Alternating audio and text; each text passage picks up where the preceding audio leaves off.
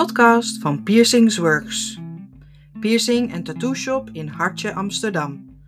Open elke dag van half elf s morgens tot tien uur s avonds. Met deze podcast willen we jou van nuttige informatie voorzien. Dermal piercings.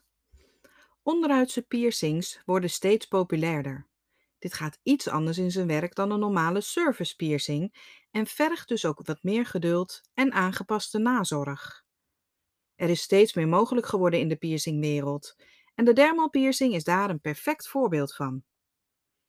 In tegenstelling tot gewone piercings, waarbij een gaatje door de huid of het kraakbeen wordt gemaakt en het sieraad aan beide kanten zichtbaar is, worden er bij microdermals kleine implantaten onder de huid geschoven.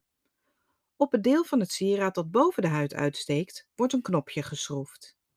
Na de behandeling is alleen deze zichtbaar. Er worden voortdurend nieuwe implantaten ontwikkeld en de meest gebruikte materialen zijn hoogwaardig staal, titanium en niet giftige plastic. Voor onderhuidse implantaten gebruiken body modification experts steeds vaker siliconen implantaten, die ook in de chirurgie wordt gebruikt. Microdermals worden volgens sommige piercers populairder dan oppervlaktepiercings, omdat ze vrij makkelijk te zetten zijn en snel genezen. Microdermal laten zetten. Het laten zetten van een microdermal piercing duurt niet lang en wordt door de meeste mensen als minder pijnlijk ervaren dan het zetten van een gewone piercing. Vanwege het gemak waarmee de microdermals worden gezet en de relatief korte genezingsperiode kiezen veel mensen ervoor om er meerdere in één keer te laten zetten. Een microdermal bestaat uit een platte, druppelvormige basis waaraan een rechtopstaand metaalstaafje is bevestigd. Hierop kan een sieraad worden gezet. Onder de huid wordt een zakje gemaakt met behulp van een biopsiepunch, waarin de platte basis wordt geplaatst. De basis heeft gaatjes waardoor de huid kan groeien, zodat hij goed vast komt te zitten.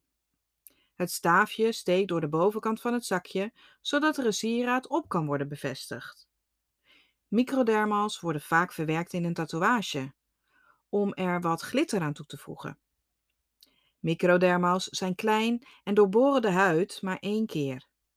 De kans dat hij wordt afgestoten is daardoor erg klein en dit komt minder voor dan bij oppervlaktepiercings, doordat er minder druk wordt uitgeoefend op de piercing door het onderliggende weefsel. Microdermals kunnen overal worden aangebracht. Wat voor veel mensen interessant is wanneer dit met oppervlaktepiercings niet mogelijk is. Waar zet ik microdermals en kan ik niet beter voor een gewone piercing gaan? Ze zijn vooral goed geschikt op plekken waar de huid dicht bij het bot ligt. Denk bijvoorbeeld aan je borst. Je kunt het zelf goed testen door te kijken of je een goed stuk huid tussen je vingers kunt pakken. Zo ja, dan kun je ook kiezen voor een oppervlaktepiercing. Een voorbeeld waar zowel microdermals als oppervlaktepiercings worden gezet, is de onderbuik. De navelpiercings zijn vaak oppervlaktepiercings, terwijl voor piercings op andere plekken van de buik microdermals worden gebruikt. Veel mensen laten microdermals op hun pols aanbrengen, maar het is verstandig na te denken over waar je ze laat zetten, aangezien ze altijd zichtbaar zijn. Nazorg.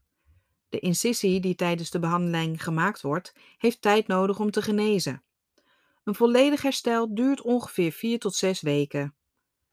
Vlak na de behandeling kan de plek rood en gevoelig zijn en na een paar dagen zal dit wegtrekken. Blijft de plek erg rood, doet het pijn en komt er vocht uit, neem dan direct contact op met de piercer of een huisarts. De piercing is dan ontstoken en zal gelijk behandeld moeten worden. Tijdens de genezing dien je zoveel mogelijk van de piercing af te blijven. Je zult de piercing twee keer per dag schoon moeten maken en erop moeten letten dat je niet achter je piercing blijft haken bij het aan- en uittrekken van je kleding. Het kan dan gebeuren dat de piercing uitscheurt. Na genezing is de kans op uitscheuren minder groot, maar hou er rekening mee dat het ook daarna nog kan gebeuren. Ben je blijven haken en twijfel je of je dermal nog goed zit? Ga ermee terug naar de piercer.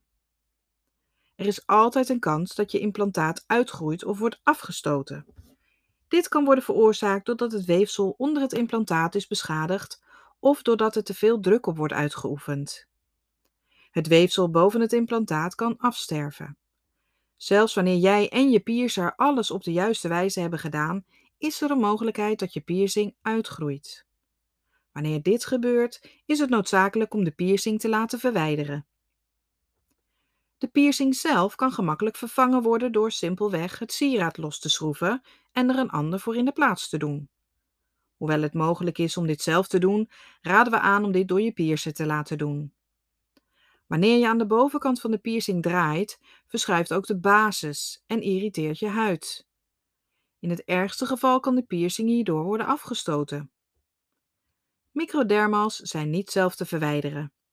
Waar je een andere piercing simpelweg losmaakt en verwijdert, kan een microdermal alleen door een piercer of een huisarts weggehaald worden. Het is belangrijk om hier rekening mee te houden bij het kiezen van jouw piercing. Als je een nieuwe piercing wilt laten zetten, is het nu mogelijk om bij ons je afspraak in te plannen online. Dan wordt hij gezet wanneer het jou uitkomt en je kunt gelijk betalen zodat je daar tijdens je afspraak niet meer over na hoeft te denken.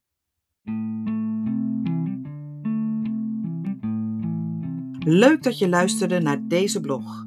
Meer info vind je op piercingsworks.com. Wil je nou zelf een piercing laten zetten? Ga dan snel naar piercingzetten.com. Bij Piercingsworks krijg je meer.